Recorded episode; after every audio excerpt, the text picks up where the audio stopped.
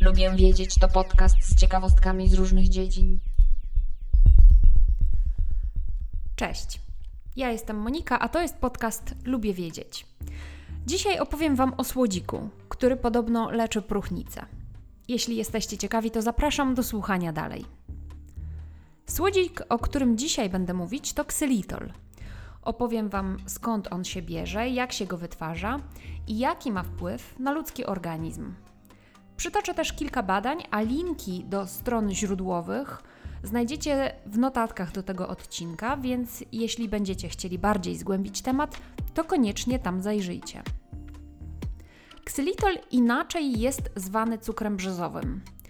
Nazwa ksylitol pochodzi od starogreckiego źródła ksyl, które po grecku oznacza drewno, bo właśnie z drewna się na początku pozyskiwało właśnie ten ksylitol i było to często drewno brzozowe. Dlatego nazywa się go cukrem brzozowym. Końcówka itol jest zwykle oznaczeniem alkoholu cukrowego, tak jak i w tym przypadku. Na etykietach artykułów spożywczych możecie znaleźć ksylitol jako E967 i jest to organiczny związek chemiczny o wzorze sumarycznym C5H12O5, co oznacza, że jest to pięciowęglowy alkohol polihydroksylowy. Jest bezbarwny lub lekko białawy, rozpuszczalny w wodzie i ma słodki smak. I właśnie dzięki tej słodyczy jest używany w przemyśle spożywczym jako zamiennik cukru, czyli właśnie tak zwany słodzik. W ogóle dlaczego się stosuje zamienniki cukru? Ano są takie dwa główne powody. Pierwszy powód jest taki, że ludzie lubią słodki smak. I jest to cecha wykształcona w procesie ewolucji. Słodkie pokarmy miały bardzo dużo cukrów, węglowodanów, a to znaczyło, że mogą dostarczyć organizmowi dużo energii i to niemal natychmiastowej energii, ponieważ cukry szybko przedostają się do krwi, a potem do mięśni i do mózgu. Jednak w dzisiejszych czasach, kiedy nie brakuje nam pokarmu i nie musimy polować ani spędzać długich godzin na szukaniu jedzenia czy na produkcji jedzenia, mamy bowiem wszystko na wyciągnięcie ręki, to okazało się, że cukier jest zgubny dla człowieka. Nadal ewolucyjnie lubimy słodki smak, ale w dużej ilości on powoduje tycie i złożone problemy zdrowotne. Dlatego szukamy zamienników cukru, które będą smakować słodko nadal, ale nie będą miały tak dużej kaloryczności, e, no i właśnie będą miały te same walory smakowe. A drugi powód, dla którego szukamy zamienników cukru, jest taki, że cukier podczas II wojny światowej był towarem, którego brakowało no, wszędzie na rynku. Racjonowanie cukru doprowadziło do poszukiwania substytutów tego cukru właśnie. Zainteresowano się ksylitolem, ale także innymi słodzikami. I to doprowadziło do ich bardziej szczegółowego opisania oraz do ułatwienia metod ich produkcji. Ksylitol używany jest właśnie jako słodzik w produktach takich jak leki, suplementy diety, cukierki, pasta do zębów i gumy do rzucia. Ksylitol nie ma wpływu na poziom cukru we krwi, ponieważ jest metabolizowany bez udziału insuliny. Ma zdecydowanie niższy indeks glikemiczny niż sacharoza. Sacharoza ma indeks glikemiczny 70, a ksylitol ma indeks glikemiczny 8. Tylko 8. Ksylitol jest też absorbowany wolniej i dostarcza około 40% mniej kalorii niż cukier biały. Ksylitol może być też używany do pieczenia, ponieważ jest stabilny podczas podgrzewania. Nie karmelizuje się tak jak cukier, a przy zamrażaniu obniża temperaturę zamarzania. W Europie nie wyznaczono górnego limitu spożycia ksylitolu, ponieważ nie ma on niekorzystnego wpływu na zdrowie człowieka, chociaż w bardzo dużych dawkach może wywołać efekt przeczyszczający. Jednak prowadzone badania sugerują, że ksylitol może mieć wręcz korzystny wpływ na nasze zdrowie.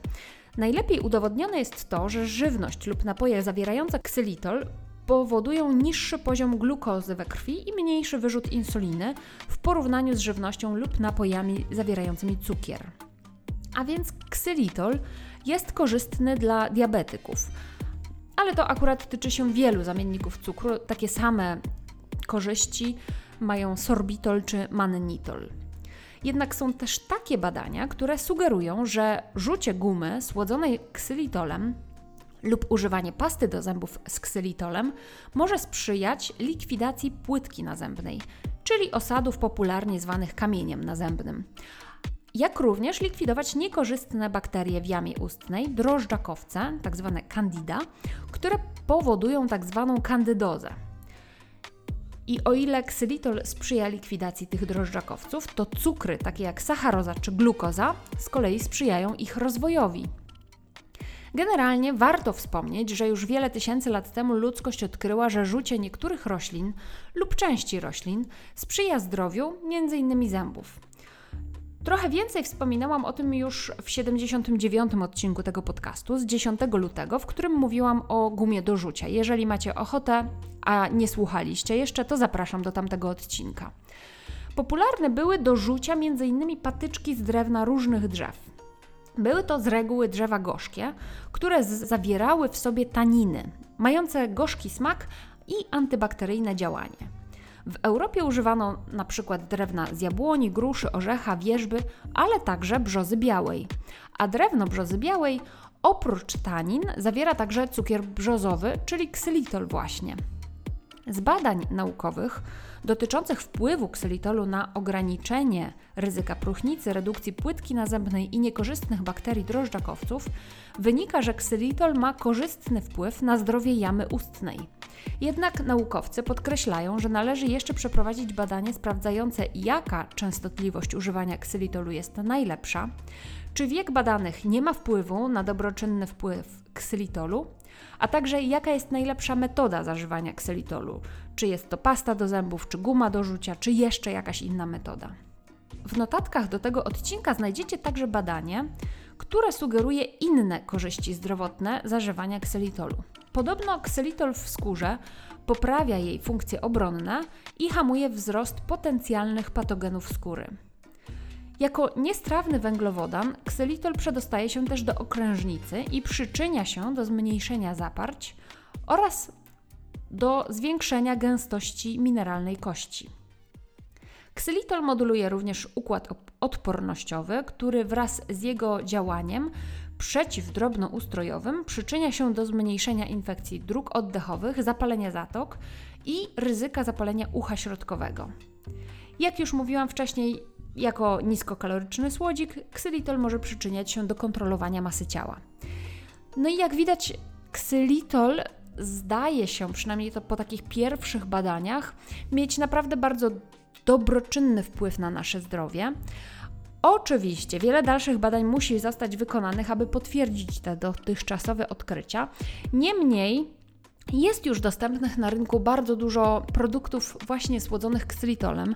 Są też gumy do rzucia z ksylitolem, które nazywają się często przeciwpruchnicze gumy do rzucia.